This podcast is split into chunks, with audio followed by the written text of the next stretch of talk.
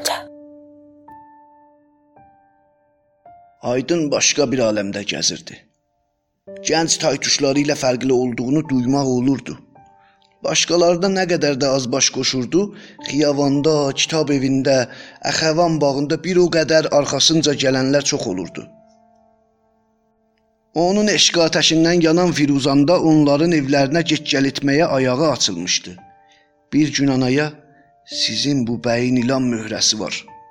Adam otudu. Ancaq başqalarına önəm vermir, dedi. Ana Görək başqaları kim ola? dedi. Firuzan bizim salamımıza da cavab vermir, dedi. Ana Utancaqdır. Dedi. Firuzan Milli Bankın işçisi idi, Təbrizli idi. Əri həyatını dəyişəndən sonra elə Ərdəbildə oturaq etmişdi. Onların evinin qarşısında bir evin ikinci qatında otururdu. Yaşayışından yalnız bəzənməklə maraqlanırdı. Deyilənlərə görə aylığının hamısını bəzək düzəyinə xərcləyir, üstünə səpdiyi ətrin qoxusu cəmaəti haldan aparırdı. Ana bu qadının Aydına yaxınlaşmasını təhlükəli bilirdi. Bir gecə yuxuda gördü, Aydınla Firuzan bir yanğın əlovunun içində özlərini yuyurlar. Sabahsı gün ikindi çağı Firuzan onların evlərinə gəlmişdi. Ana elə bir zad ona dedi ki, həmişəlik ayağını o evdən kəsdi. Ustad Dilxunun evinin yaxınlığında yaşayan bir qız da var idi. Aydını görmək üçün hər gün neçə dönə Lord Pəncə düzəldən karxanasının qarşısından ötürdü. Onu görən zaman rəngi atıb susaraq yalnız baxıb sonra gedirdi. Başqa qadınlarla qızlar da var idi. Ancaq Aydın hər zətdən çox şeirə vurulmuşdu. Onu alqışlayan müəlliminə də hörmət edirdi. Ustad Nasir Dilxun fars şeirinin əruzla bəhrilərini ona öyrətmişdi. O inanırdı Aydın Muzun şeirin sıxıntısından qaçdığı üçün bu ölkənin ədəbiyyatında yüksək bir məqama çatacaqdır. Bununla belə o özü irfan, ədəbiyyat və fəlsəfədə o qədər bilikli olsa da, məşahirlərin içində özünə bir yer aça bilməmişdi. Arıq uca boy bir ağıllı kişi idi. Murtazlar kimi yaşayırdı. Hindililərin cükilərinə tay ən az bir zadından keçinirdi.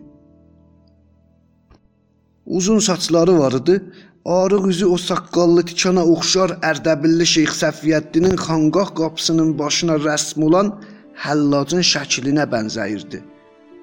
Yumuşaq səsi var idi. Pirşəmsəddin məhəlləsində bir otaqda yaşayırdı. Xətti xoş incə zovqulu birisi idi. Gahdan tarda çalırdı. O qədər kağız, dəftər, kitab, dəvatın ortasında üç piltəli ocağının üstündə öyrəncilərinə çay da qoyurdu. Ada, pula, məqama bağlılığı yox idi. Əski şeir oxuyurdu, sərbəst şeir yazırdı. Uzaqdan uzağa nimayüşicə sayğı bəsləyirdi.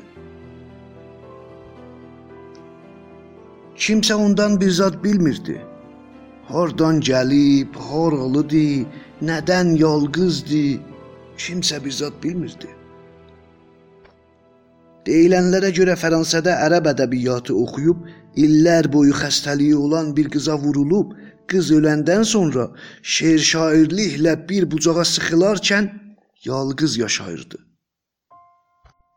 Ustad Nasir Dilxunun başı batıb, yoxa çıxarılandan sonra dərs kilasları qapanıb, öyrənciləri dağıldılar. Daha sonralar kimsə ondan bir iz tapa bilmədi. Ayda Sən niyə belə arıqlamısan? dedi. Büsbütün dəyişilmişdi. Bir sürə kökəlmişdi. Sümüklə oynaq ağrısı yox idi. İngiliscəni yaxşı danışa bilirdi. Üzündə o uşaqlıq acısı ilə qorxu görünmürdü. Yaraşıqlı paltarlar geyirdi. Aydınla Urhanın hər birisinə xarici göy rəngidə kətan şalvar gətirmişdi. Abadanda hamı bu şalvarlardan geyir, deyirdi. Yenə də çevrəsi doludur Fransəlilərlə ingilis adamlarından deyirdi. Lord cənablarına oxşar adamlar orada çoxdur. Ana neçə dönə abadanda onların görüşünə getmək istədiyini demişdi. Bu müddətdə ürəyi onun yanındaydı. Süfrə başında, mutbaqda, xüsusilə gecələr onu xatırlayırdı. Ancaq atanı yaxşı tanıyırsan ki, o heç vaxt icazə verməz. Çarə yoxdur. Arvad ərinə boyun əymək zorundadır. Aydaya yerinin boşluğunu inandırmağa çalışırdı. Elə ona görə Aydaya qulluq etməyə can atırdı. Aydanın uşağı Sohraba lüləsindən qığılcım atan bir tüfəng almışdı. Ata, sənin qafan çalışmır. Bu uşaq nə anlayır ki, edib ona qığılcım səpən tüfəng almısan? dedi. Ayda hər il 15 gün atası gilə gəlirdi. İndi bu üçüncü dönəydi. Ana söhraba bluzla jaket toxumuşdu. Ayda onların yanında olanda ona uşağın əskilərini yumağa izin vermirdi. Özü yuyurdu. Ayda isə özünü şən və deyib gülən göstərməyə çalışırdı. O əski səssizliyindən uzaqlaşmışdı. Ancaq görüşməmiş bir acı gözlərinin dərinliyində dalğalanırdı. Xüsusilə ata həmişəyə tay, yorğun və qaşqabaqlı işdən gələndə ayda başını uşağı ilə qatmaq, ona xörək vermək ya da tatı-tatı edib saçlarını daramaqdan başqa bir iş görmürdü. Gahdan da gözaltı atanı süzürdü. Ata, sümüklərin necədir? deyə soruşdu. Ayda da Bir il olar ağrısı kəsilib. Ancaq hər ay güclü bir penisilin vurmalıyam. Orada xarici döktür çoxdur. deyə cavab verdi. O gecə ayda qardaşlarının otağına getdikdə yalnız bir təxt gördü. Aydının kitablarla paltarlarından isə iz yox idi. Ana, burada nə olub? deyə soruşdu. Düzünü axtarsan, atan dəymə düşər olub. Bir gecə onların otaqlarını dəyişdi. Ana dedi. Ayda çox incik təkməsin deyə olayın nə oldusundan bir söz demədi. Məktub yazanda da bir zad yazmağı yerli görmürdü. Ayda aydının gecələr harada yatmağını soruşdu. Ana isə dedi: Ayda yaxasının düyməsini qırılana qədər vurmuşdu. Qardaşımı dığlatdılar, dedi. Arıqlayıb həmişə gözləri yorğundu, sanki bir ağır xəstəlikdən incik çəkir. Ana, Aydın get-gedə böyük şair olur. Ancaq ustadını itbat edəndən bu yana həmişə acı çəkir. Bu yaşayış nə qədər ircənməli olub. dedi. Ayda Aydının otağını təmizləməyə, o otağın bir tək pəncərəsinə ağ örtük tikməyə, divarlarına bir əl çəkməyə, oranı ambar durumundan çıxartmasına qərar verdi. Sən niyə belə arıqlamısan? deyə soruşdu. Aydın Söhrabı qucağına alıb ona bir zad almaq üçün onu eşiyə apardı. Axı Aydanın əri gəlməmişdi. Daha o evə ayaq qoymaram demişdi. Ayda ilə uşağı gətirib qoyurdu, 15 gün sonra yenə də qayıdıb aparırdı. Bu zamanda uşaq atasını özləyirdi. Ayda camları silirdi. Qapı örtüklərini çırpırdı. Həsir səbətlə ona luster düzəldirdi. Ləbləbi kimi əlləri qızarmışdı. Saçlarını da daramağa vaxtı yox idi. Yenə də aydın söhrabı küçələrdə gəzdirirdi. Pəncə düzəldən kərxananı ona göstərirdi. Xoruz şirnisi alırdı. İkindi çağı uşaq əlini aydının yaxasına təpib, şirin yuxuya getmiş halda evə qayıdıb onu təxt üstündə yatırdırdı. O zaman şam yeməyə iştahası olmadan zerzəmiyə gedib təxt üstündə uzanıb ayda Çabahardan gətirdiyi qırmızı pətunu üstünə çəkib yatırdı. Gecə yarısı hamı yatandan sonra duvar çırağını yandırıb təxtin altından kitabını çıxardıb oxuyurdu. Ya da dəftərini yazırdı. Bir gecə ayda orada olan günlər Aydın gecə yarısı ananın ayaqaltı başmaqlarının səsini eşitdi. Qulağını yatıtdı. Ananın ayaqaltı başmaqlarının səsi idi. Yəqin ona baş çəkmək istəyir. Ancaq boylanıb baxdıqda qapının çərçivəsində kürkünü çiyninə salmış hirs ilə ona baxan əcəb əcəb deyən atanı gördü.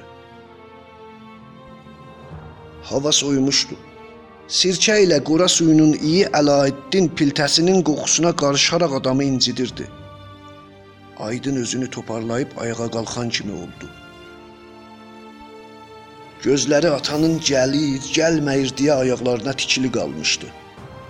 Ananın ayaqaltı başmaqlarını geyib elə orada dayanmışdı. Aydın nə edəcəyini bilmirdi.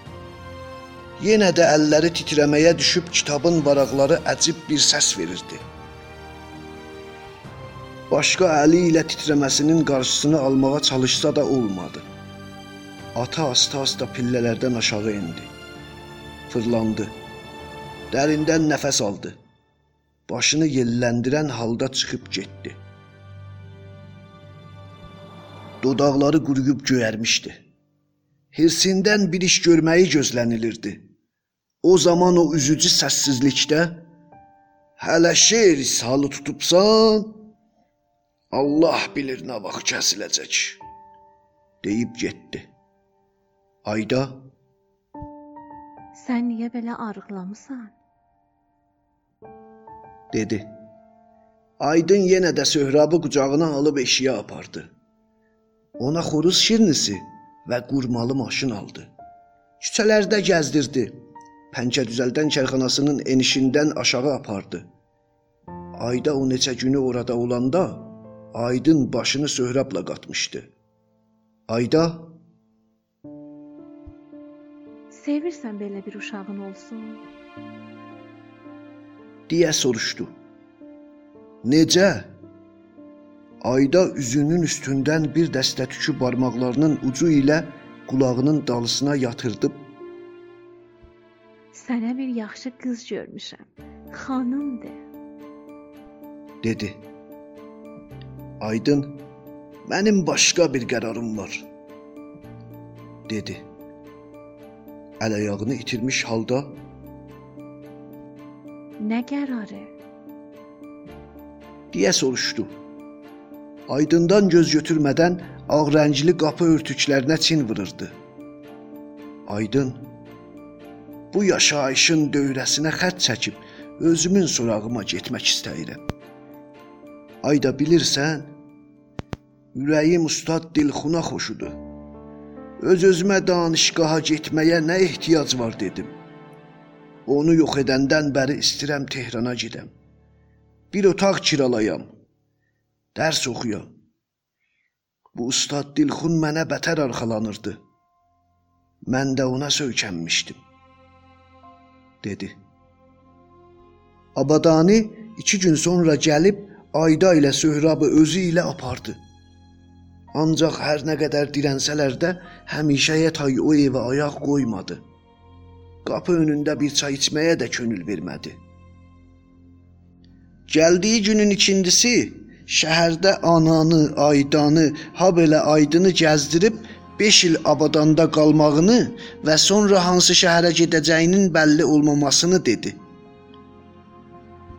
Aydına istərsə abadana gəlsin, orada ingilis dili öyrənib onların yanında qalsın, dedi.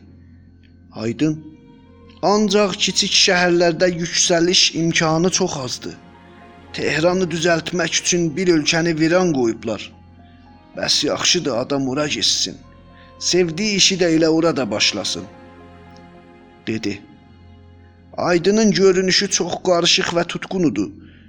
Gözlərinin dərinliyində görünülməmiş bir durum var idi. Ayda Elə bir sevciyə düşübsən. dedi. Ana,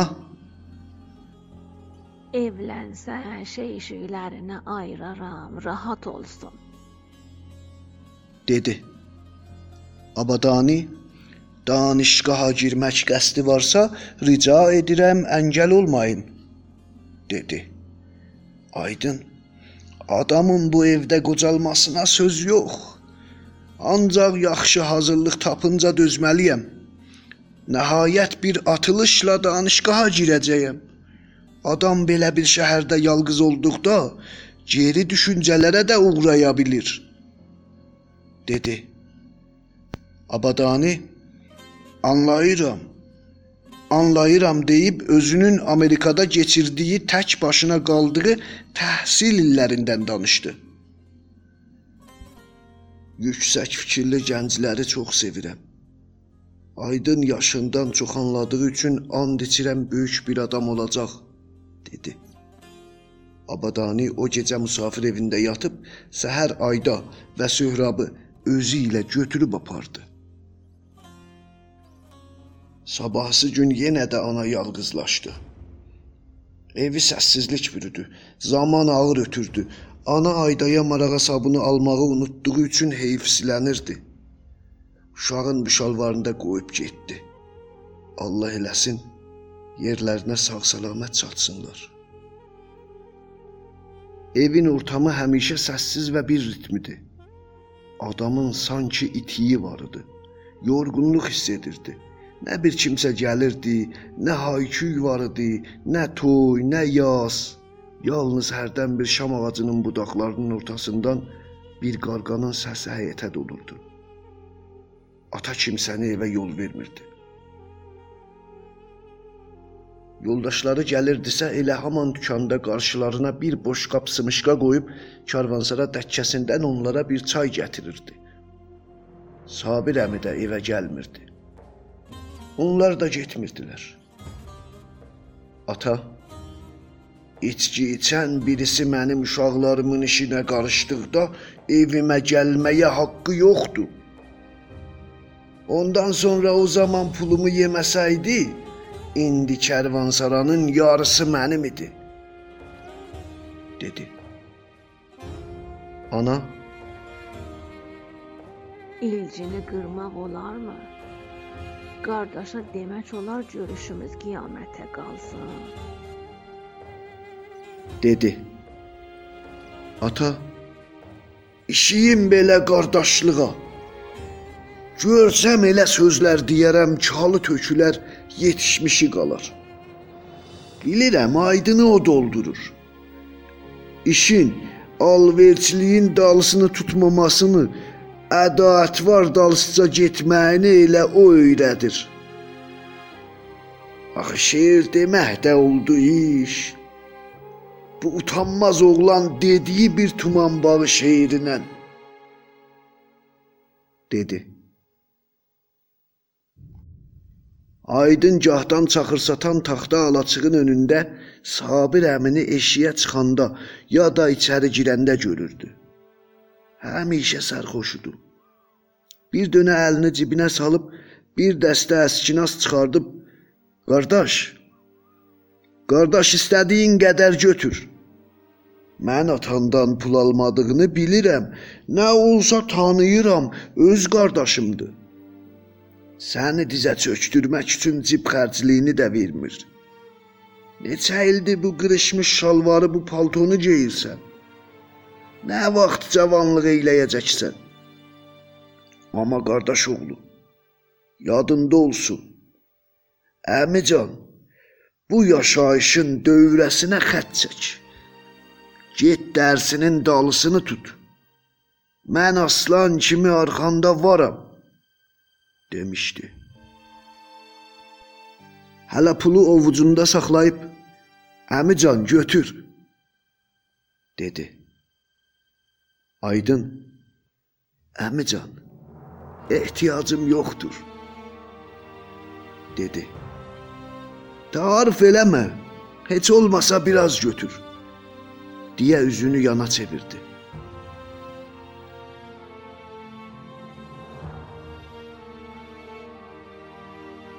Ölülər Senfoniyası 1-ci çap.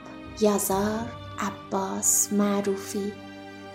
Çevirən Əhəd Fərəhməndi.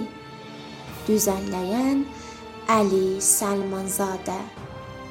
Səsləndirənlər: Ağa Cabir Purbagiri, xanım Elnarə. Hər zamanki kimi bizimlə olun. Bizim axağımızın adresi Dastanca D A S T A N C A